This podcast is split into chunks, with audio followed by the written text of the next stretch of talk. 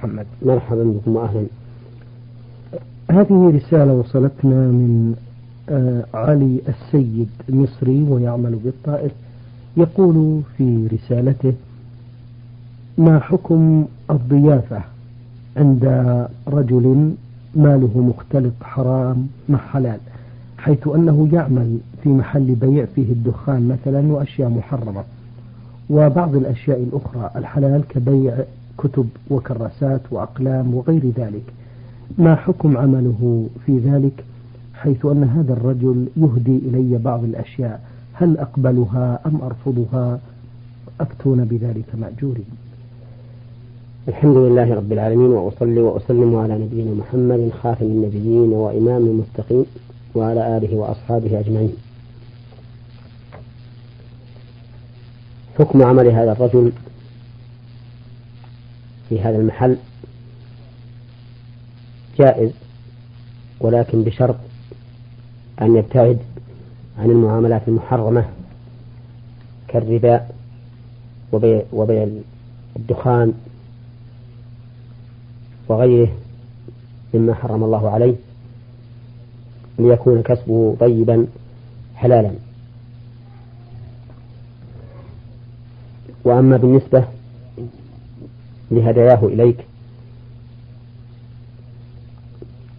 ونزولك عليه ضيفا فإن هذا لا بأس به. ولا حرج عليك في ذلك. فقد ثبت عن رسول الله صلى الله عليه وسلم أنه قبل الهدية من المرأة اليهودية حينما أهدت إليه شاة في غزوة خيبر. وأجاب النبي صلى الله عليه وسلم دعوة يهودي دعاه في المدينة خبز شعير وإهالة سمخة وعامل اليهود بيعا وشراء حتى إنه عليه الصلاة والسلام مات ودرعه مرهونة عند يهودي في شعير اشتراه لأهله. وهذا يدل على جواز معاملة من اختلط ماله بحرام.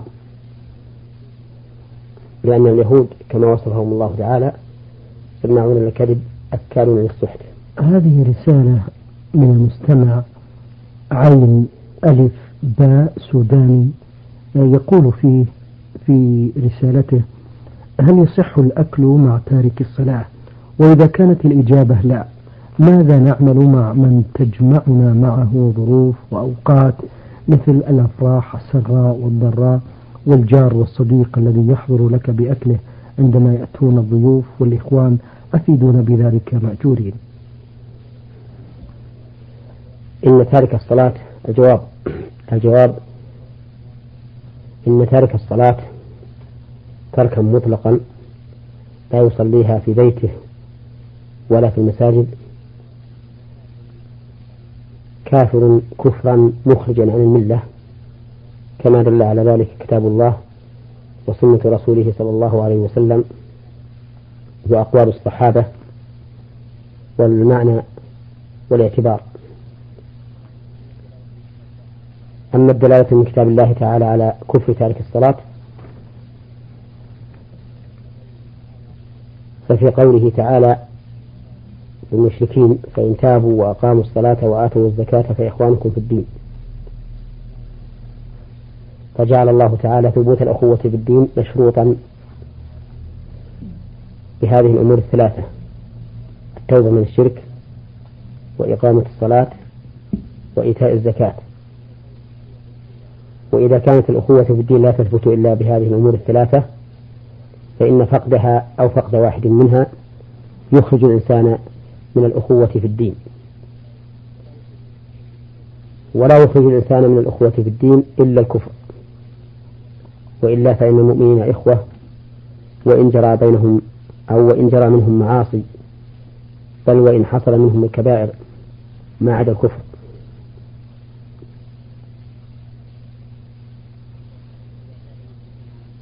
فإذا تاب المشركون من الشرك ولم يقيموا الصلاة فليسوا إخوة لنا في الدين. وإن أقاموا الصلاة ولم يؤتوا الزكاة فليسوا إخوة لنا في الدين. وإذا لم يكونوا إخوة لنا في الدين فهم كفار. وهذا دلالة واضحة من من الآية الكريمة. إلا أن منع الزكاة بخلا وتهاونا قد دلت السنة على أن أنه ليس بكفر. وذلك فيما رواه أبو هريرة عن النبي صلى الله عليه وسلم أنه قال ما من صاحب ذهب ولا فضة لا يؤدي منها حقها إلا إذا كان يوم القيامة صفحت له صفائح من نار وأحمي عليها في نار جهنم فيكوى بها جنبه وجبينه وظهره. كلما بردت أعيدت في يوم كان مقداره خمسين ألف سنة حتى يقضى بين العباد ثم يرى سبيله إما إلى الجنة وإما إلى النار. وكون هذا الذي لا يؤدي حقها يمكن أن يرى سبيلا له إلى الجنة دليل على أنه ليس بكافر إذ أن الكافر لا يمكن أن يرى سبيلا له إلى الجنة.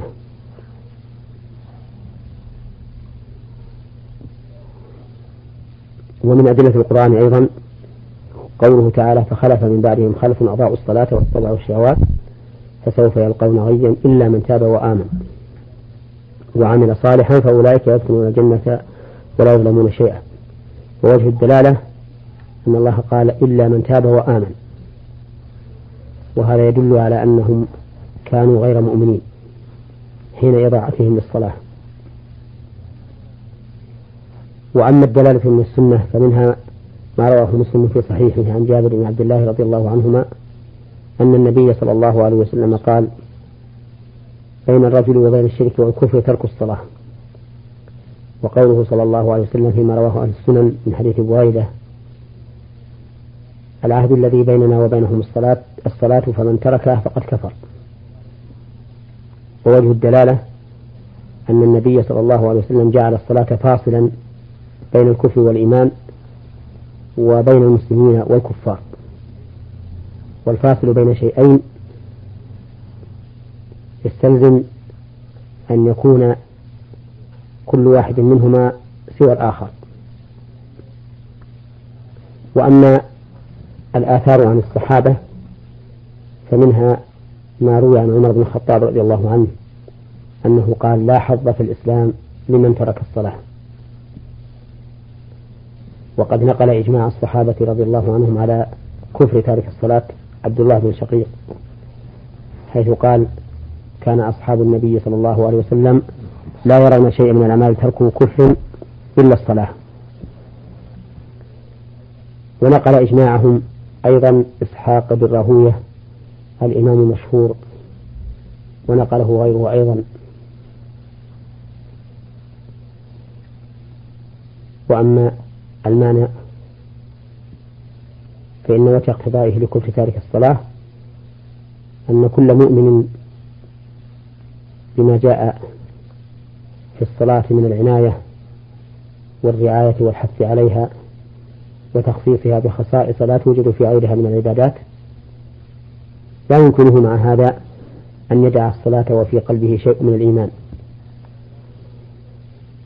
فالتلازم بين الإيمان القلبي وبين فعل الصلاة أمر ظاهر ولا يعرفه إلا أرباب القلوب.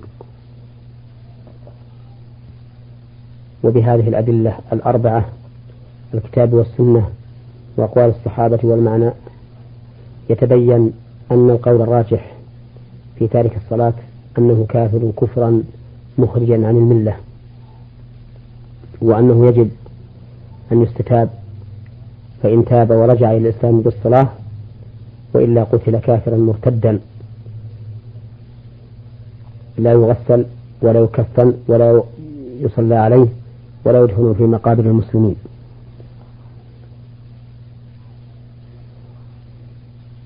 والله يعلم أنني قد بحثت كثيرا في هذه المسألة ونظرت في أدلة القائلين بأن تارك الصلاة لا يكفر فلم أرى لهم دليلا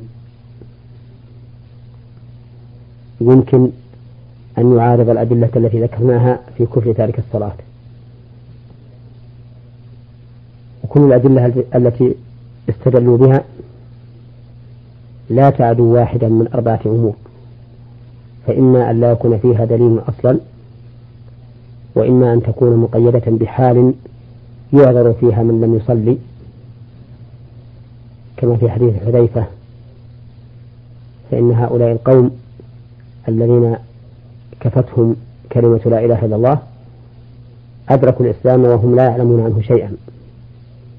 وإما أن تكون مقيدة بوصف لا يمكن معه ترك الصلاة كحديث عثمان بن مالك إن الله حرم على النار من قال لا إله إلا الله يبتغي بذلك وجه الله. وإما أن تكون عامة مخصصة بأدلة كفر تارك الصلاة. وأما أن يوجد نص بأن تارك الصلاة لا يكفر أو أن تارك الصلاة يدخل الجنة أو أن تارك الصلاة مؤمن أو ما أشبه ذلك فإن هذا متعذر ولو وجد نحو هذا الدليل لطلب الجمع بينه وبين الأدلة التي تدل على كفره أو الترجيح لكن هذا النوع من الأدلة لم يوجد أبدا. ولا يمكن أن تحمل أدلة كفر تارك الصلاة على من تركها جحودا.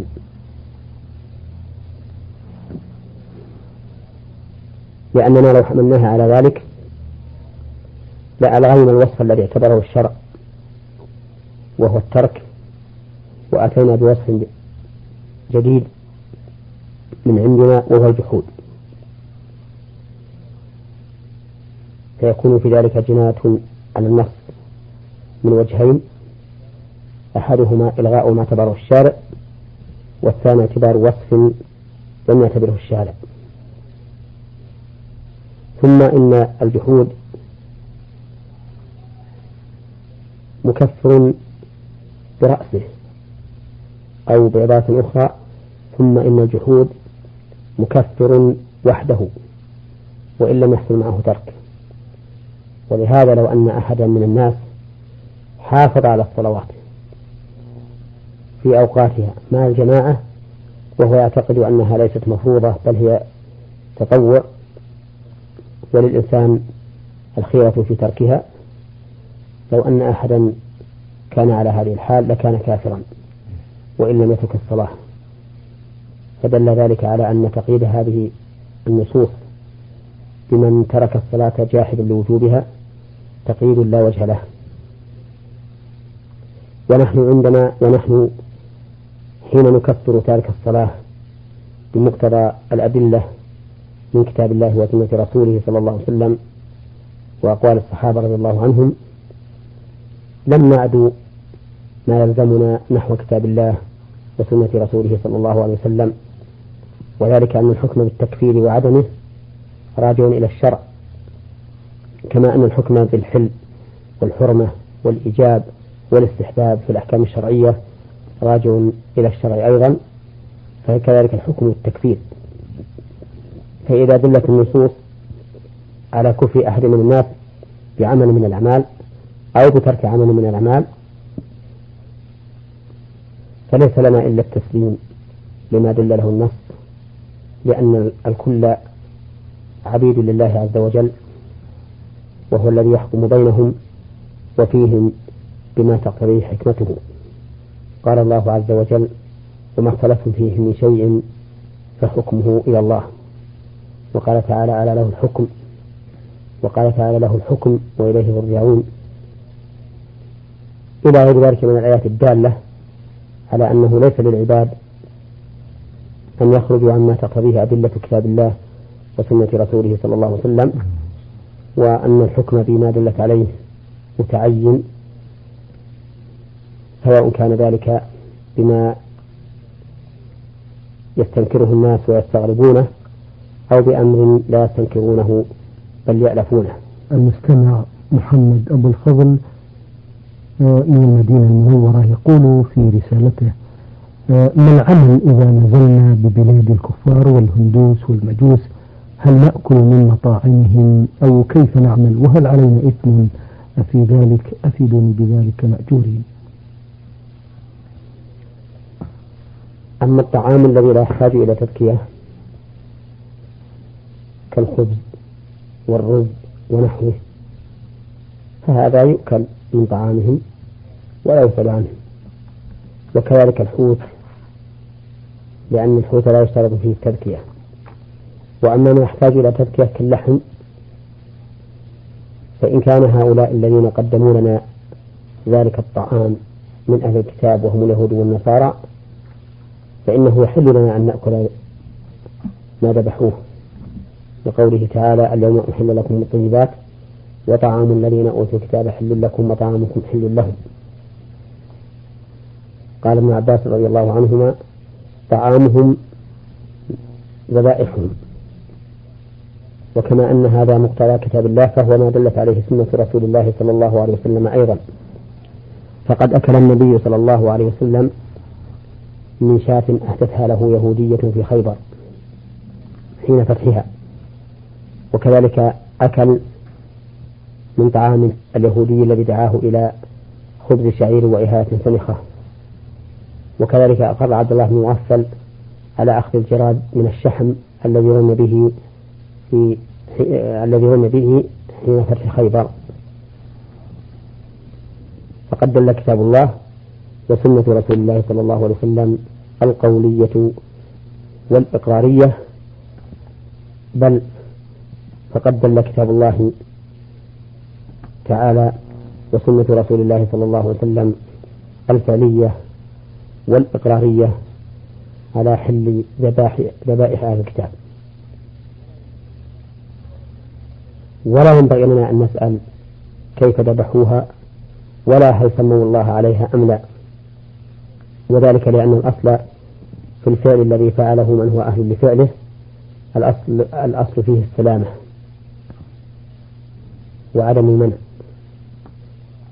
وفي صحيح البخاري عن عائشة رضي الله عنها أن قوما جاءوا إلى رسول الله صلى الله عليه وسلم فقالوا يا رسول الله إن قوما يأتوننا باللحم لا ندري أذكر اسم الله عليه أم لا فقال النبي صلى الله عليه وسلم سموا أنتم وكلوا أسموا على أكلكم ولا تبحثوا عن عن فعل غيركم. قالت عائشة وكانوا حديث عهد بكفر. فإذا كان النبي صلى الله عليه وسلم أرشد إلى عدم السؤال لهؤلاء القوم الذين كانوا حديث عهد بكفر والغالب عليهم أن تخفى عليهم مثل هذه المسألة. كان في ذلك دليل على أنه لا ينبغي للإنسان أن يتكلف وأن يتعمق وأن الذي ينبغي أن يأخذ الأمور على ظاهرها بدون إشقاق ولا إعنات على نفسه. أما إذا كان هؤلاء الذين يقدمون لكم الطعام من غير أهل الكتاب وفيه شيء مما لا يحل إلا التذكية فإنه لا يحل لكم أن, تأخذ أن تأكلوا منه. وذلك لأن ذبائح غير اليهود والنصارى محرمة ولا تحل. لقوله وطعام الذين أوتوا الكتاب حل لكم. فإن مفهوم هذا القيد أوتوا الكتاب يدل على أن غيرهم من غير المسلمين لا تحل ذبائحهم. وهو محل إجماع بين أهل العلم. نعم. بارك الله فيكم. آه هذه رسالة وصلتنا من الجمهورية العربية اليمنية من السائل الذي رمز لاسمه بياء ميم ياء. يقول في رسالته في يوم من الأيام ذهبت إلى منزل عمي وقد حصل بيننا خلاف ثم حلفت ألا أدخل بيته مرة ثانية ثم بعد أيام شاءت الظروف ودخلت البيت فماذا يجب علي في مثل هذه الحالة؟ أفيدونا جزاكم الله خيرا. الجواب قبل أن أذكر الإجابة على سؤاله أحب أن أنبهه وغيره على أن قوله شاءت الظروف كلمة منكرة فإن الظروف هي الأزمنة والأزمنة لا تشاء وليس لها من الأمر شيء. بل الأزمنة أوقات مخلوقة لله مدبرة بأمره مسخرة بإذنه تبارك وتعالى والمشيئة إنما هي لله تعالى ثم للإنسان الفاعل باختياره. والواجب على المؤمن أن يتجنب مثل هذه الكلمات وأن لا يتكلم بكلمة إلا وهو يعلم عن معناها وهل هو خير أو شر وهل هو حق أو باطل حتى يكون متزنا في تصرفه القولي والفعلي. والمهم أن التعبير بمثل هذه العبارة شاءت الظروف أو شاءت الأقدار أو ما أشبه ذلك. لا يجوز. فعلى المرء أن يكف عنه. وأما الإجابة عن سؤاله الذي أراد الإجابة عنه فإننا نقول له إن عدم دخوله بيت عمه من قطيعة الرحم.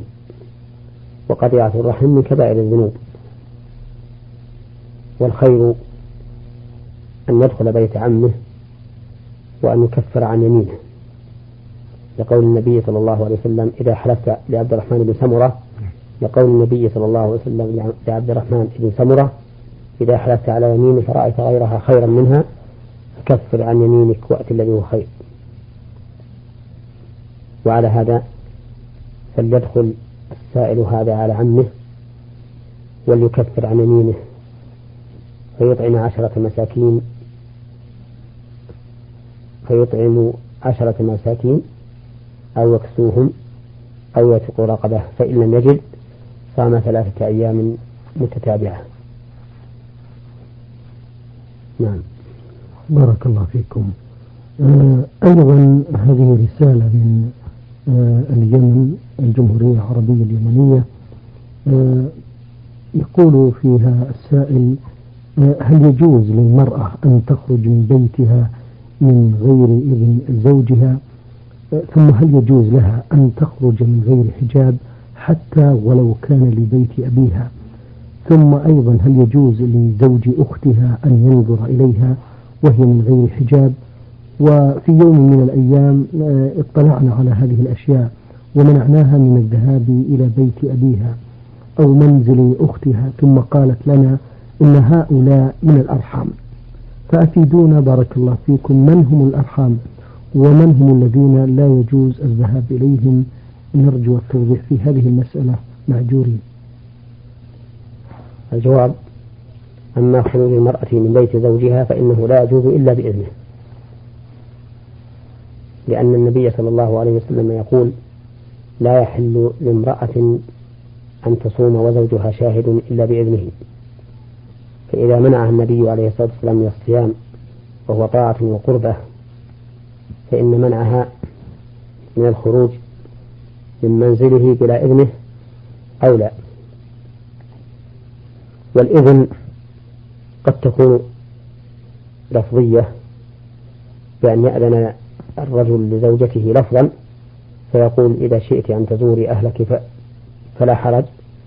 وقد تكون عرفية بحيث يدل العرف على الإذن بها كما لو كان من عادة هؤلاء القوم أن تخرج المرأة لقضاء الحوائج كشاء الخبز ونحوه. فهذا إذن عرفي وأما كون المرأة تخرج بغير حجاب فإن هذا حرام أيضا. والواجب على المرأة إذا خرجت إلى السوق أن تخرج غير متطيبة ولا متبرجة بزينة ولا كاشفة لوجهها لأن ذلك من الفتن العظيمة. وقد ثبت عن النبي صلى الله عليه وسلم أنه منع المرأة من حضور المسجد إذا كانت متطيبة. فقال صلى الله عليه وسلم أي أي امرأة أصابت بخورا فلا تشهد معنا العشاء. إظهار المرأة وجهها في الأسواق من أعظم الفتن ومن أعظم المصائب التي حلت في مجتمعات بعض المسلمين فإن هذه الفتنة العظيمة لم تقتصر على إخراج الوجه فقط بل صار النساء يخرجن الرؤوس والرقاب والنحور والأذرع ولا يبالين بذلك حتى اتسع الخرق على الراقع وصار ضبط النساء متعذرا أو متعسرا غاية العسر. وأما كشف المرأة لزوج أختها أو لغيره من الرجال الأجانب غير المحارم فإنه حرام ولا صلة بينها وبين زوج أختها. بخلاف أم الزوجة فإن أم الزوجة محرم لزوج ابنتها فيجوز لها أن تكشف له. والمحارم هم كل من تحرم عليه المرأة تحريما مؤبدا بقرابة أو رضاع أو مصاهرة. فأما المحرمات بالقرابة فهن سبع.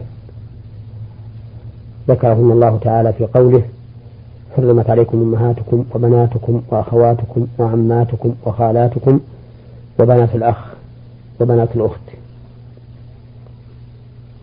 وأما المحرمات بالرضاع فقد قال الله تعالى وأمهاتكم اللاتي أرضعنكم وأخواتكم من الرضاعة. وثبت عن النبي صلى الله عليه وسلم أنه قال يحرم من الرضاع ما يحرم من النسب فالأم من الرضاعة والبنت والأخت والعمة والخالة وبنات الأخ وبنات الأخت كلهن محارم لأنهن يحرمن بالنسب وقد قال النبي عليه الصلاة والسلام يحرم من الرضاع ما يحرم من النسب وأما المحرمات بالمساهرة فهن أربع. زوجات الآباء وإن علوا وزوجات الأبناء وإن نزلوا وأم الزوجة وإن علت وبنتها وإن نزلت. قال الله تعالى ولا تنكحوا ما نكح آباؤكم من النساء إلا ما قد سلف إنه كان فاحشة ومقتا وساء سبيلا. وقال تعالى في جملة المحرمات وأمهات نسائكم وربائبكم اللاتي في حجوركم من نسائكم اللاتي دخلتم بهن فإن لم تكونوا دخلتم بهن فلا جناح عليكم وحلائل أبنائكم الذين من أصلابكم. فهؤلاء الأربع محرمات بالصهر ويحرمن بمجرد العقد إلا بنات بنات الزوجة وإن نزلن فلا يحرمن إلا إذا جامع أمهاتهن لقوله تعالى وأمهات وربائبكم اللاتي في حجوركم من نسائكم اللاتي دخلتم بهن فإن لم تكونوا دخلتم بهن فلا جناح عليكم. فهؤلاء سبع من النسب وسبع من الرضاع وأربع من الصهر كلهن محارم لأنهن محرمات إلى الأبد. بنسب ورضاع ومصاهرة. شكر الله لكم فضيلة الشيخ وعظم الله مثوبتكم. إخوتنا المستمعين الكرام كان بصحبتكم فضيلة الشيخ محمد بن صالح بن عثيمين